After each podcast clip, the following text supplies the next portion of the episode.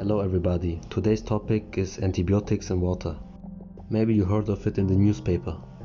Antibiotics were found in lakes, rivers and even in the tap water.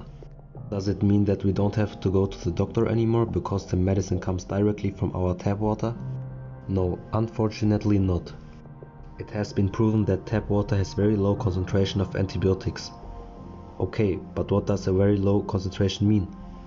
If you want to take in a ibuprofen pill through the tap water, you have to drink 200 million liter of it. This corresponds to 40 Olympic swimming pools. The World Health Organization came to the conclusion that today's antibiotic concentration in drink water unlikely causes any health problems. So the antibiotic concentration in our water is safe for us. But things are different for animals in lakes and rivers.